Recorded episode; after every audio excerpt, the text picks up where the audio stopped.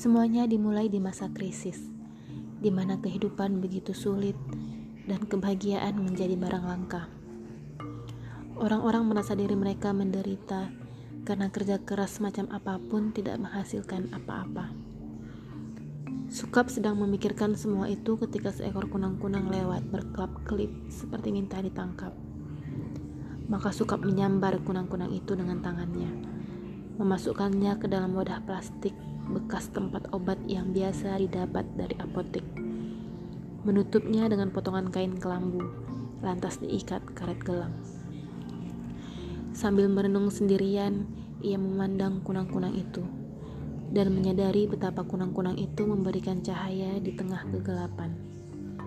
Ia menjadi lupa dengan kesia-siaan hidupnya. Mungkin inilah kunang-kunang yang berasal dari potongan kuku orang-orang Mandarin yang dikuburkan. Pikirnya. Terangnya bukan sembarang terang kunang-kunang, melainkan terang cahaya yang memberi pencerahan. Pada suatu hari yang tidak diharapkan, seorang Mandarin datang sendirian ke kota itu. Ia seorang sarjana yang ingin tahu banyak tentang riwayat bangsanya, dan karena itu ia tertarik dengan cerita tentang kunang-kunang yang berasal dari potongan kuku orang-orang Mandarin. Suka menjamunya dengan arak, tapi orang Mandarin itu tidak pernah mabuk.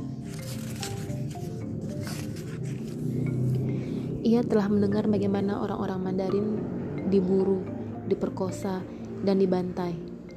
Ia membayangkan bagaimana potongan kuku orang-orang Mandarin yang ikut dikuburkan itu menjelma menjadi kunang-kunang dan keluar dari dalam tanah, berterbangan, berkelap-kelip menjadi cahaya dalam kegelapan.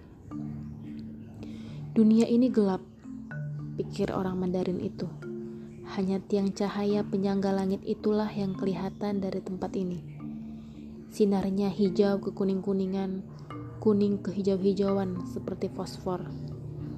Ia sulit sekali memahami bagaimana mungkin potongan kuku orang-orang Mandarin bisa menjadi kunang-kunang yang cahayanya merupakan keajaiban dunia. Apakah dunia ini tidak bisa hadir biasa-biasa saja tanpa cerita-cerita tak masuk akal yang sulit dipercaya? Pikirnya lagi. Kalaupun bisa dipercaya, siapa yang sempat-sempatnya memasukkan potongan kuku itu ke dalam kuburan? Bukankah orang-orang Mandarin di kota ini sudah habis dibantai? Siapakah yang mengurusnya? Apakah orang-orang Mandarin di kota ini selalu membawa potongan-potongan kuku mereka ke mana-mana? Sebagai orang Mandarin yang sudah biasa merantau keliling dunia, ia sendiri tidak pernah menyimpan potongan kukunya.